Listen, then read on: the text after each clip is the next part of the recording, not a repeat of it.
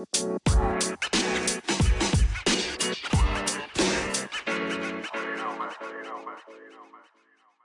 lieve mensen, welkom bij de Back to Blue podcast.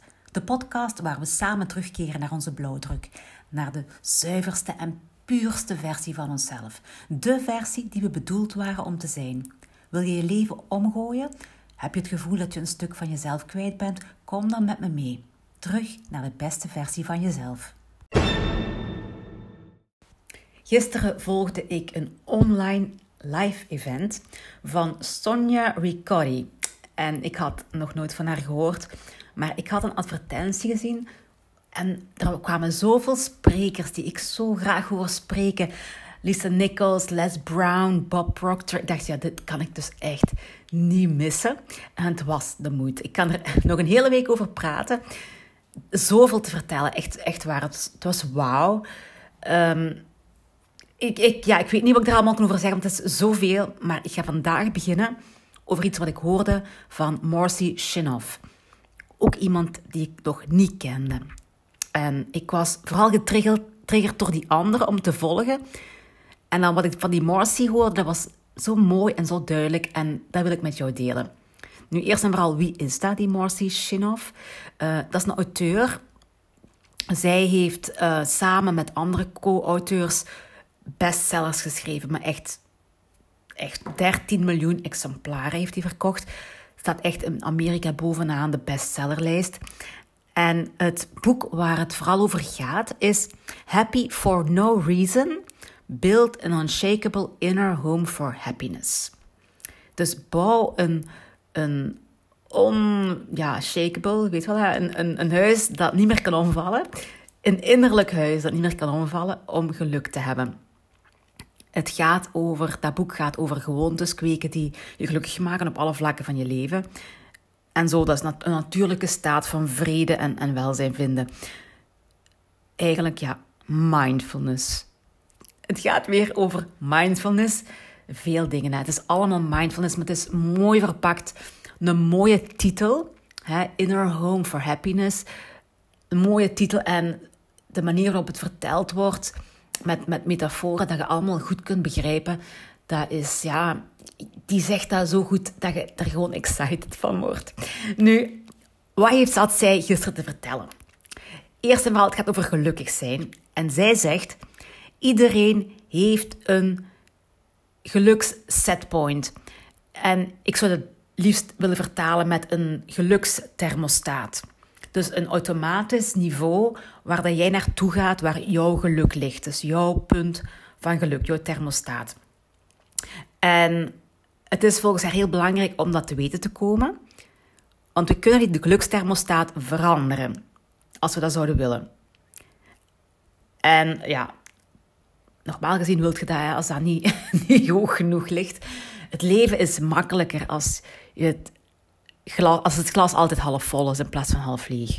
Ja, simpel. Nu, hoe wordt dat, die geluksthermostaat, dat geluksinstelpunt, setpoint, happiness setpoint, hoe wordt dat nu bepaald?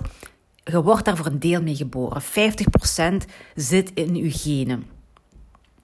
En geen paniek, want je kan daar nog van alles aan doen.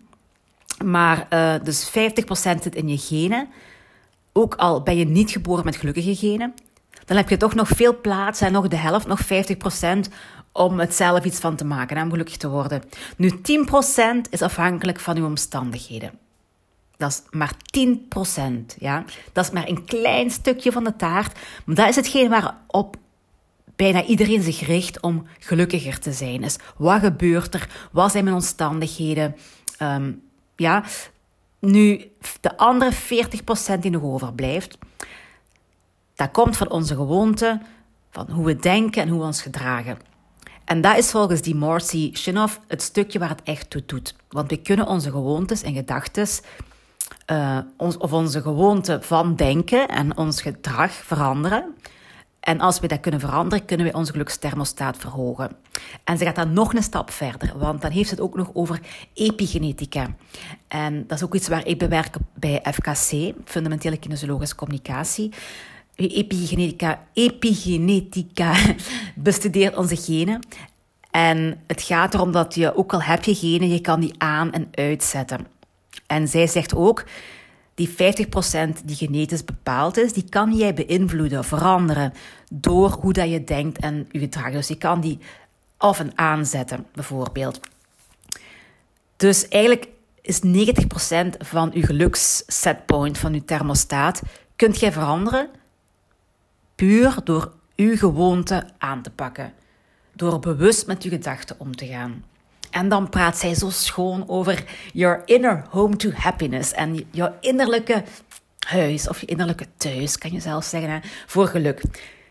Geluk is volgens Marcy Shinoff afhankelijk van zeven pijlers. En zij bouwt die of kleurt die voor u in een huisje, zodat je het goed kunt begrijpen. Nu, een huis bestaat uit een fundament en dan four pillars, uh, hoek, hoekpilaren, of hoe zeg je dat? We kunnen ook zeggen gewoon vier muren. Hè? Allee, ja. Dus je hebt een fundament, je hebt vier muren, je hebt een dak en je hebt een tuin daar rond. En ik ga die zeven pijlers, die zeven vlakken waarop je moet werken om geluk te vinden, nu eventjes met u verder uitdiepen. Het fundament van uw huis, van uw geluk, staat voor verantwoordelijkheid nemen voor je leven en voor waar je nu staat. En als jij naar dit soort podcasten, dus podcasten over persoonlijke ontwikkeling luistert, dan ben je al iemand hè, die, dat, die dat doet, die al verantwoordelijkheid neemt. Als je bijvoorbeeld geen verantwoordelijkheid neemt, dan zit je in een slachtofferrol. En dat zit heel veel ook in mijn slanke mindset methode, ergens in het, ik weet niet welk hoofdstukje dat het komt, maar dat is, dat is een belangrijke, dus dat je uit je slachtofferrol kunt stappen. Want als je in een slachtofferrol leeft, dan kan je nooit niet echt gelukkig zijn, want je geluk hangt dan af van iemand anders. En je hebt het gevoel dat je daar geen controle over hebt. Je weet niet wat te verwachten. Dus leren verantwoordelijkheid nemen voor alles. Ook je slechte keuzes en ook de dingen waar dat het van lijkt dat, dat je daar geen controle over had. Wel, toch zoeken naar iets van hoe dat jij daarvoor tussen zit. Dus verantwoordelijk zijn voor jouw leven, voor waar je nu staat. En dat is voor haar de basis van, van je geluk, dus het fundament. Um, dan heb je de vier hoekpilaren, dus, of ja, de vier muren zeg ik dan. Ik vind dat makkelijker om te onthouden, de vier muren. En die vier staan voor geest, lichaam, hart en ziel.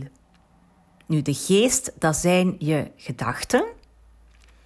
En de vraag is dan, ondersteunen jouw gedachten je geluk?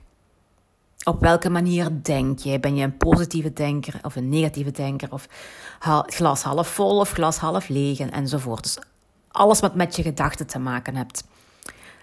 Daarnaast, de tweede, tweede muur eigenlijk van je huis is het lichaam. Heb jij de biochemie van geluk? En dan heb ik het over de endorfines, serotonine, oxytocine. Um, dat is dus alles wat er in uw lijf zit en wat verantwoordelijkheid, voor, verantwoordelijk is voor, voor uw geluk. De derde is jouw hart. Leef jij met een open hart? Heb je dankbaarheid, vergeving, liefdevolle vriendelijkheid? Mensen die gelukkig zijn, die, die, die hebben een open hart. Die zijn openhartig, zeggen we dan. En dan de vierde is dan nog de ziel. Voel je je verbonden met de ziel? En dat betekent dat je je verbonden voelt met de, het universum. De grotere energie van het universum. Je kunt dat God noemen, natuur noemen, weet ik wat, de bron noemen. Maar heb je daar, zit je daarmee in verbinding? Voel je dat? Is uw ziel verbonden met die grotere energie?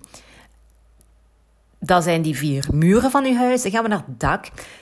Het dak van je huis staat voor je doel of je passie in het leven. Dus leef jij een geïnspireerd leven? Doe je wat jij, waarvoor dat je hier op de aarde bent? waarvoor je hier op deze planeet bent om te doen. Dus leef jij geïnspireerd, heb jij een doel in je leven. En dan een doel wat met je ziel te maken heeft. Hè? En dan is er ook nog de tuin rondom je huis. En de tuin heeft te maken met wie je je omringt. Staat uw tuin vol onkruid, en dan willen we daarbij zeggen giftige mensen, mensen die u leegzuigen, mensen die altijd de sfeer naar beneden halen, de trilling naar beneden halen. Of heb je juist een tuin vol met rozen en gardenia's en mensen die dus u opbeuren en uw energie omhoog krijgen en het allemaal mooier maken, je leven mooier maken eigenlijk. Je leven leuker en mooier maken. Dus dat zijn de zeven pijlers. Wat moet je nu doen of waar gaat haar therapie over? En daar boekt dus ook. Hè? Uh, dat gaat erom omdat je met, aan die zeven pijlers dus werkt en allemaal. Maar je gaat beginnen met degene waar je nu het zwakst staat. En dus wil ik dat jij dat nu eens eventjes bij jezelf gaat bekijken. Op, op welk van die zeven vlakken heb je het meeste werk? Dus kijk eventjes in je leven, is het het fundament, het verantwoordelijkheid nemen? Of is het je gedachten kunnen richten, uh, je gedachten bewust gebruiken voor geluk en niet voor, voor, voor miserie? Is het je lichaam dat niet helemaal in orde is? Zijn daar dingen waar je iets aan kan doen? Dan is er ook nog je hart. Is je hart open of is je hart gesloten? En dan is er je ziel. Wat is je missie in het leven? Leef je in een missie? Heb je het gevoel dat je een doel hebt? Heb je het gevoel dat eender wie hier op aarde een doel heeft? En dan ook nog je, je, je passie. En de mensen rondom je.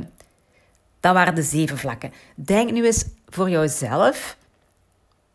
In welke denk je dat jij het zwakst bent? Waar je het meeste werk aan hebt? Of heb je misschien in alle zeven uh, werk? Dus ik, ik laat u uh, hiermee dat jij een beetje werk hebt nu om na te denken na deze podcast. Ik ga dat boek wel eens gaan zoeken.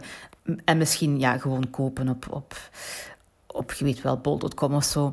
Ik ga het nog eens herhalen hoe het heet. En ik kan iedereen het zoeken die, die het uh, wil. Ik zet het trouwens ook wel in de beschrijving van deze podcast. Dan kunt je het vinden. Het boek heet Happy for No Reason. Dubbel punt. Build an Unshakable Inner Home for Happiness. En dat is dus geschreven door Marcy Shimoff en door Paul R. Schele. Schele, weet ik veel. Ik zal het allemaal in eh, de beschrijving van de podcast zetten. Dus die ga ik zeker opzoeken. Misschien hoor je mij daar binnenkort nog wel meer over vertellen. Voilà. Laat dat maar allemaal even verteren.